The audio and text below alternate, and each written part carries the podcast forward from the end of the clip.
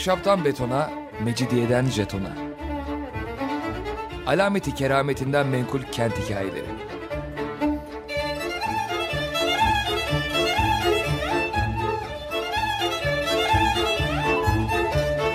Hazırlayan ve sunan Pınar Erkan.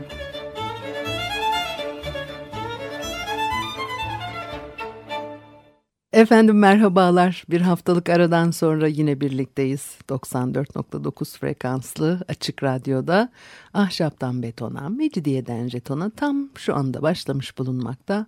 Anlatıcınız ben Pınar Erkan. Elektronik posta adresim pinarerkan.yahoo.co.uk Bakalım bugün programımızda neler var? Simya veya alkemi e, terimlerinin Nil Nehri'nin kara renkli çamur birikintilerinden geldiği düşünülüyor. Arapça mı yoksa Mısır'da konuşulan dilden mi olduğu çok e, net değil fakat Kem Arapçada kara ülke e, demekmiş. E, kara ülkeden kasıt Mısır. Ayrıca simya kelimesinin kökeninin e, ruhsal gelişme anlamına geldiği de söyleniyor. Gerçekte bir dönüşüm sanatı olarak değerlendiriliyor. Kirli ve hasta olanın bir dizi süreçten geçerek arınmış ve e, kusursuz e, e, e, olmuş bir hale gelmesi. Sadece e, kimyasal bir süreç değil yani. Soylu sanat, Tanrı'nın bilimi, altın yapımı sanatı, hermetik sanat adlarıyla da alınıyor, e, anılıyor. İnsan zihniyle ve e, doğadaki enerjilerle bir bağ kurarak bireyin e, ruhsal dönüşümünü ifade ediyor. Ezoterik gelenek içinde yer aldığı için de e, gizemin ilmi olarak bilinir. Simyanın insan ruhu ve madde üzerindeki etkileri e, felsefe taşının bulunmasına bağlı. E, Rönesans'ın en önemli özelliklerinden biri insanın potansiyelinin sonsuz olduğuna duyulan inanç ve insanın her şeyin ölçüsü olduğu görüşü. Hermetik metinlerde de rastlanıyor bu görüşlere. 15. yüzyıl başlarında Asklepios çoktandır biliniyor ve okunuyordu. E, hermetik metinler Arapçadan İtalyanca'ya çevriliyordu. Mısır'a ait birçok eser bu dönemde e, İtalyanca'ya çevrildi. Rönesans insanları geçmişe merak duyuyorlar. Bu nedenle de kaynakların peşine düşüyorlardı. Hristiyanlığın ardında pagan Roma'yı arıyorlar. Roma'nın ardında Helen düşüncesini arıyorlar. Giordano, e, Giordano e, Bruno'nun belirttiğine göre ise e, Helen'in ardında Mısır vardı.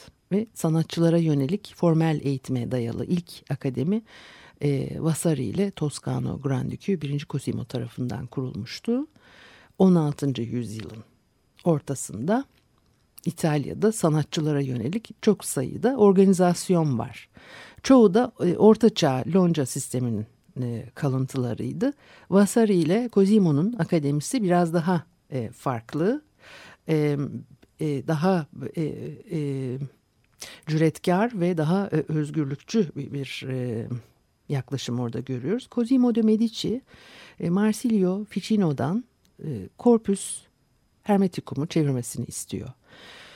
Bir kere de çevrilmemiştir. E, 1400'lerin ikinci yarısında ondan sonra 1500'lerin e, ilk yarısında bir kısmı e, çevriliyor falan. E, Hermetika Hermes'in öğretisi. Hermesçilik veya hermetizm antik çağlardan günümüze kadar hakikatin bilgisini koruyabilmiş e, ezoterik bir öğreti, sezgisel bilgi elbette bu. Mısır'da Hermes Osiris'in müritlerinden günümüzden 16 bin yıl önce Nil deltasında ortaya çıktığı düşünülüyor. Kuzey e, Mısır, Güney Mısır olarak bu bölge çok uzun zaman ikiye ayrılmıştı ve Firavun Menes milattan önce 3000'lerde Mısır'daki şehir devletleri tek bir yönetim altında toplamayı başarmış ilk yönetici. Onun içinde tarihe e, bir birlik kurmuş e, bir stabil ülke e, ortaya çıkarmış e, liderlerin ilkleri arasında sayılır. Kuzey Mısır onun dönemine kadar Hermetik rahipler tarafından yönetiliyordu.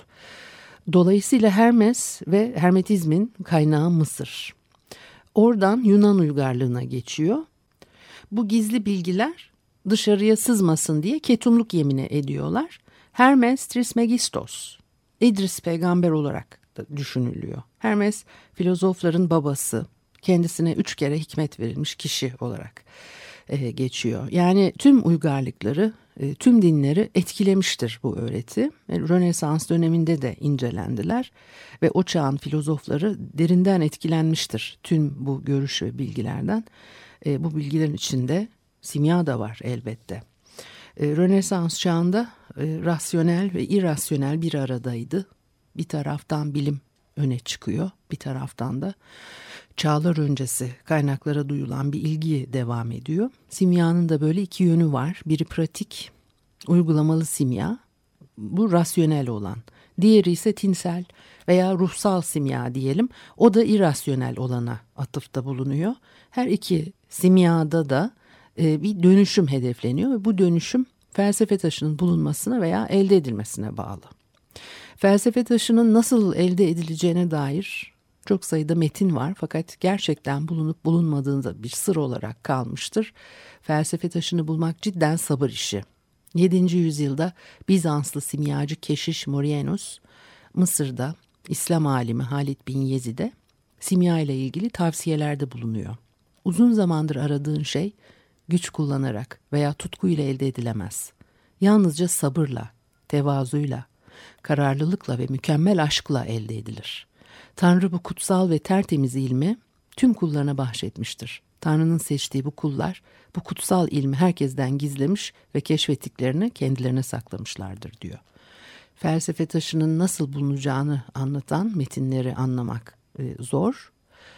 Metafor, sembol ve e, alegorilerle dolu metinler bunlar şifreli metinler herkesin kolayca anlamasını istemiyorlar. Çünkü simya bilgisi herkesin ulaşamayacağı kadar değerli. Ayrıca yanlış şeylere geçmesini de istemiyorlar. Opus magnum e, büyük iş demek. Simyanın hedefine ulaşması için gerekli olan süreç. Eliksiri yani felsefe taşını bulmak için materia primaya yani ilk maddeye uygulanan işlemleri ve, ve uygulama sürecini anlatıyor felsefe taşını bulmak için e, sıklıkla verilen bir şifre var. Vitriol diye geçiyor bu şifre. Yeryüzünün içini ziyaret et ve doğru ölçüyle gizli taşı bulacaksın anlamına gelen Latince cümlenin kelimelerinin baş harflerinin arka arkaya sıralanmasıyla oluşmuş e, bir şifre kelime bu. E, vitriol simyada yedi işleme karşılık geliyor. Bütün bu işlemler içinde e, türlü semboller ve ritüeller var. Yedi işleme karşılık geldiğini lütfen unutmayın. O yedi aşamayı ben burada tekrar e, teker teker açıklayacak değilim. Hani o değil ama e, Rönesans döneminde ve hatta Rönesans'tan önce e, ki Rönesans'tan sonra da tabii ki çok etkili bu öğretiler.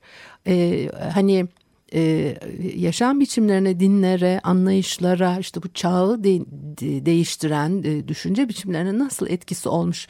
Biraz onu hani e, anlatmak istiyorum ama yedi işleme karşılık gelmesi önemli bir şey. E, e, bu işlemler için türlü semboller, ritüeller var. Bunların hemen hepsi dinlerle bir şekilde bağdaşıyor. Felsefe taşının bir özelliği de metalleri altına çevirmesi. Altın e, maddenin güneşi kabul ediliyor. Altın güneşin gölgesi, güneşte Tanrı'nın gölgesi. Felsefe taşının ayrıca hastalıkları iyileştirdiği de düşünülüyor. Opus Magnum'un yedi aşaması var demiştim. E bunlardan ilk dördü sırasında metaller e, sırasıyla siyah, beyaz, sarı ve kırmızı rengi e, alıyorlar. Mısır tanrıçası Isis'in elbisesi bu renkleri taşıyor.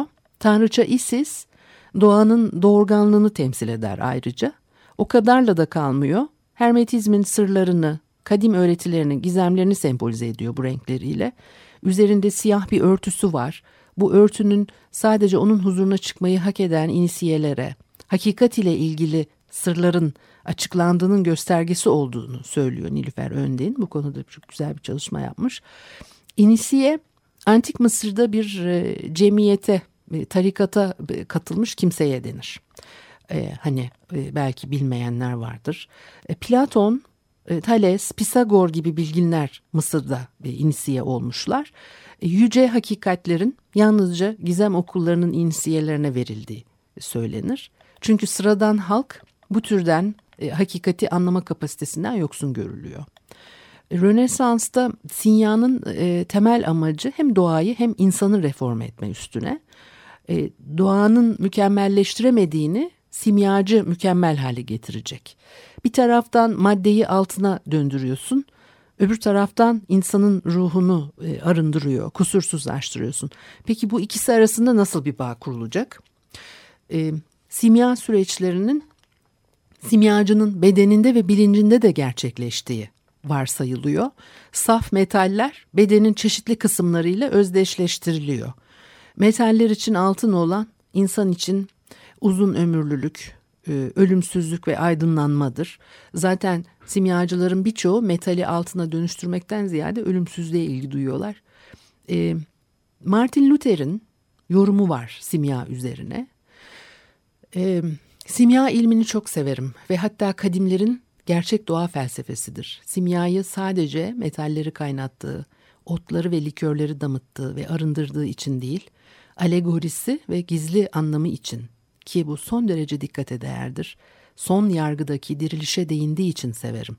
Çünkü fırının içindeki ateş maddenin kısımlarını ayırıp özünü, ruhunu, yaşamı, öz suyu, gücü ortaya çıkarttığında temiz olmayan madde süprüntü dipte kalır. Tıpkı ölü ve değersiz gövde gibi. Tanrı da son yargı günü her şeyi ateşten, dürüst olanı tanrısal olmayandan ayıracaktır, diyor. Bir müzik arası verelim, ondan sonra devam edelim.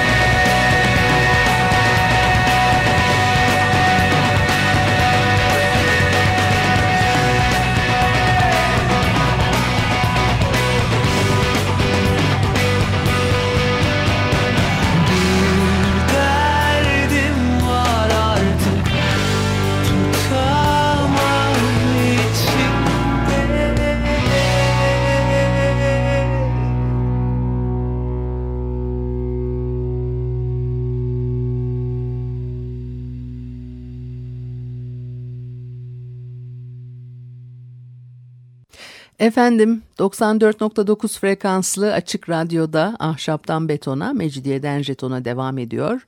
Haliyle Pınar Erkan'ı dinlemektesiniz.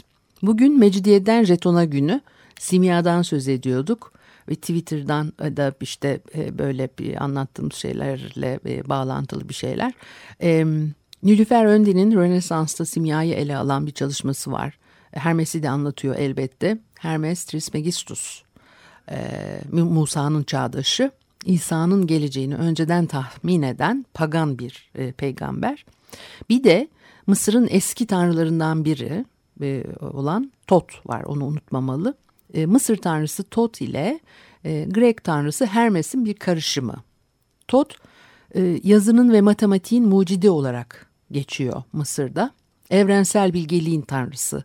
Aynı zamanda ay ve yıldız hareketlerinin de düzenleyicisi. Helenistik Mısır'da Tot'la Hermes birleştirilerek Hermes e, Trismegistus e, yaratılıyor. Milattan önce 332'de e, Büyük İskender Mısır'ı fethettikten sonra Yunanlılar Mısır'a geliyor. Mısır kültürüne adapte olmaya çalışırken olan işler bunlar. Mısır tanrılarını Yunan tanrılarına eş sayıyorlar. Hani paket farklı ama özde aynı gibisinden. Herodot da bunu böyle söylüyor.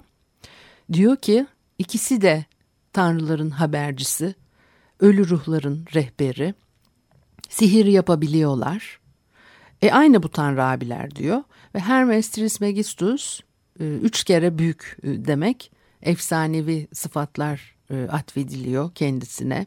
Yıldızların düzenini ilk algılayan, doğadaki ve müzikteki armoniyi ilk ortaya çıkaran, belagati ilk öğreten, eğitim, astronomi, felsefe, teoloji alanında uzman. Dolayısıyla da bilge hoca kabul ediliyor. Platon, Pisagor, Demokritus gibi e, Grek e, filozofların onun bilgileriyle yetiştiği söylenir. Daha önce e, Mısır'da Nisi oldular dememin sebebi de buydu. Simyacılar Hermes'e duydukları saygı nedeniyle hermetik sanat diyorlar simyaya. Simyada bir cam tüpün hava almayacak şekilde kapatılmasına da e, hermetik mühür deniyor. Hristiyanlık e, pagan düşünür, tanrı ve filozofları reddetti biliyorsunuz. E, o Greco-Roma kültürünü e, tamamen e, e, pagan olduğu için reddetti, bastırdı ve gömdü. E, dolayısıyla da e, ta Orta Çağ biçimine kadar e, bu bilgiler hep e, gizli kaldı. Fakat e, Hermes onlardan değil. E, bazı kilise mensupları Hermes Trismegistus'un Hristiyanlık döneminde yaşamış olsaydı Hristiyanlık öğretisinin en önemli isimlerinden olacağını söylemişler. İskenderiyeli Clement, astroloji, felsefe, tıp, teoloji, coğrafya ve eğitim alanlarında 42 kitap yazdığını iddia ediyor. Foucault ise Böyle bir kimsenin tarihte var olmadığını, birbiriyle ilişki kurulabilen çok sayıda metnin onun adı altında toplandığını söyler. Hermes Trismegistus'a e, ait olduğu söylenen en önemli işte metin Zümrüt Tablet, simyacıların temel metni de o. E, Emerald Tablet, Opus Magnum, e, Materia Prima, felsefe taşı, dört element anlayışı, e, makrokozmos, mikrokozmos arasındaki ilişkiler e, ele alınıyor. E, farklı ve eski yüzyıllarda ta Orta Çağ'da yazılmış değerlendirmeler var. E, Emerald tablet veya e, zümrüt tablet üzerine simyanın temel kavramlarını yanlış ellere geçmesin diye gayet gizemli biçimde e, anlatıyor. Bir sürü alegori, sembol var içinde e, bulmaca çözer gibi oturup hani bunu çözmeye çalışıyorsunuz. En bilinen e, zümrüt tablet cümlelerinden biri aşağıda olan yukarıda olan gibidir. Yukarıda olan da aşağıda olan gibidir ifadesi. Zümrüt tablette geçen birçok şey kiliselerde de karşımıza çıkar. Bezemelerde, fresklerde, vitraylarda, heykellerde birçok sembol ve anlatımı e, bulmak mümkün. Çünkü bağdaştırılıyor tabii dinle ilgili birçok şey. E, bu öğretilerle hiçbir şey sıfırdan gelmiyor zaten. Her şeyin bir e, geçmişi ve eskisi var. Antik çağdan gelen mitra kültü mesela e, Hristiyanlığın en büyük rakiplerindendi inanç olarak. E, erken Hristiyanlık döneminde e, Suriye, Anadolu ve Girit üzerinden Roma uygarlığına, e, imparatorluğuna yayılıyor. Roma'da ve Kuzey Avrupa'da sayısız Mitra tapınağı yapılıyor. Yani Suriye'den Avrupa'nın kuzeyine kadar e, geniş bir alana yayılmış Mitra kültü. İndo-Pers kaynaklı ve astrolojiyi de içeriyor ve ışık tanrısı Mitra bir kayadan doğmuş. Ondan saçılan kanla e, varlıklar, tüm varlıklar meydana geliyor. Kozmik boğa ile savaşarak e, öldürüyor ve boğayı kurban ederek dünyanın yaratılmasını sağlıyor. Şimdi bu Mitra bugün de uzantıları var. Çok enteresan şeyler var ama ben de yani biraz hani e, artık iyice e, bilinmezlere karışmayalım. Hani biraz bu bunları e, e, anlatmak istiyorum size ama ayaklarımı da yerden kesmemek istiyorum. Fakat çok enteresan şeyler aslında anlatılıyor. Mitra tek tanrı değil. Çünkü ondan daha güçlü bir tanrı olan güneş e, tanrısının emriyle öldürmüştü kozmik boğayı. Güneş tanrısı ile insanlar arasında aracı bir konumda. Gözleri kamaştıracak parlaklıkta bir ateş kılığına bürünüp göklere çıkıyor. Karanlıkları yok ediyor. İnsanların kötülükleriyle e, mücadele ediyor. Mağaralarda ve yer altında bulunan gizli odalarda yedi aşamadan meydana gelen ritüelleri var. Bu ritüeller sırasında boğa kurban ediliyor. Biliyorsunuz boğa e, pek çok uygarlığın e, kullandığı bir sembol, simge. Hem Ege'de hem Anadolu'da hem başka yerlerde. E, yani e, bu ritüeller sırasında boğanın kurban edilmesiyle dünyanın yaratılışı canlandırılıyor. Ve Mitra kayadan doğduğu için ritüelleri yer altında veya mağaralarda yapıyorlar. Tapınırken suyla ve balla vaftiz yapılıyor. Mitra'nın yeryüzünde yediği bir de son yemek var. Mitra'nın son yemeğine atfen ekmek ve şarap yeniyor. E, yedi inisiyasyon e, aşamasının adları sırasıyla karga, kartal başlı aslan, e, aslan, e, asker aslan, pars, güneşin habercisi ve ulu. E, tapınma ritüellerine kadınların katılması yasak tabii ki de. Başka da ne bekliyorduk? Boğa güreşlerinde de e, mitra ışığı ve boğa karanlığı temsil ediyor. Boğanın öldürülmesi aydınlık, iyiliğin, karanlık ve kötülük karşısındaki zaferini e, simgeliyor. Ondan sonra birçok yerde karşımıza çıkar bu boğa öldürmeler, yer altında e, mağaralarda ritüeller, e, arınmak için insanın kendi özbenliğiyle verdiği savaş, işkence çekmeler, aşamalardan geçmeler, arınmalar. O Minos uygarlığının e, boğa üzerinden atlama ritüelleri onlar çok eşsiz e, görüntüler sergiliyor.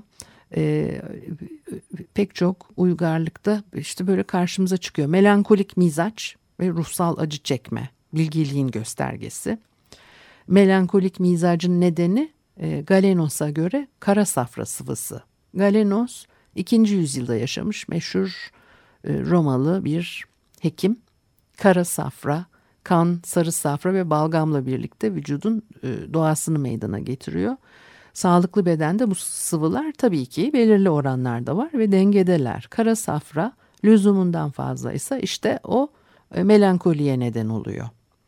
Galenos'a göre dört tip mizaç var kanlı canlı, sanguin, kolerik, flegmatik ve melankolik.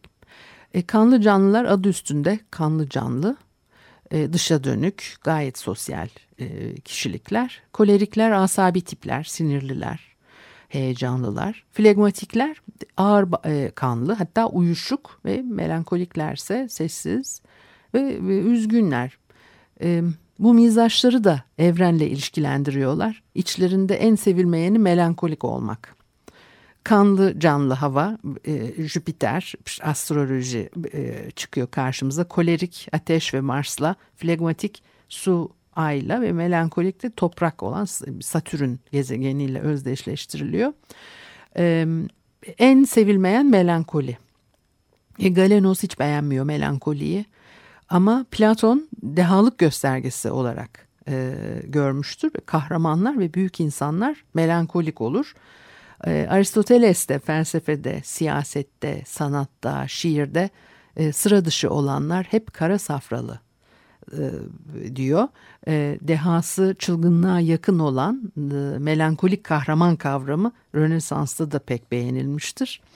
E, bunu, bu tabii bütün görsel unsurlara, resme, e, freskolara, resimlere, kabartmalara yansıyor. Bugünlük de bu kadar olsun. Haftaya görüşene kadar. Hoşçakalınız.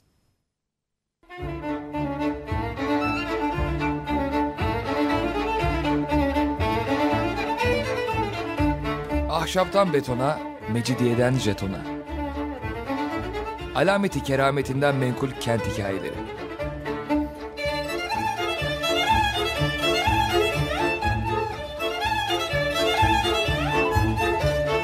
Hazırlayan ve sunan Pınar Erkan.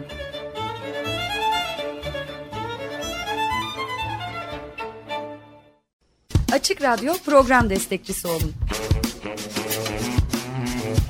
Bir veya daha fazla programa destek olmak için 212 alan koduyla 343 41 41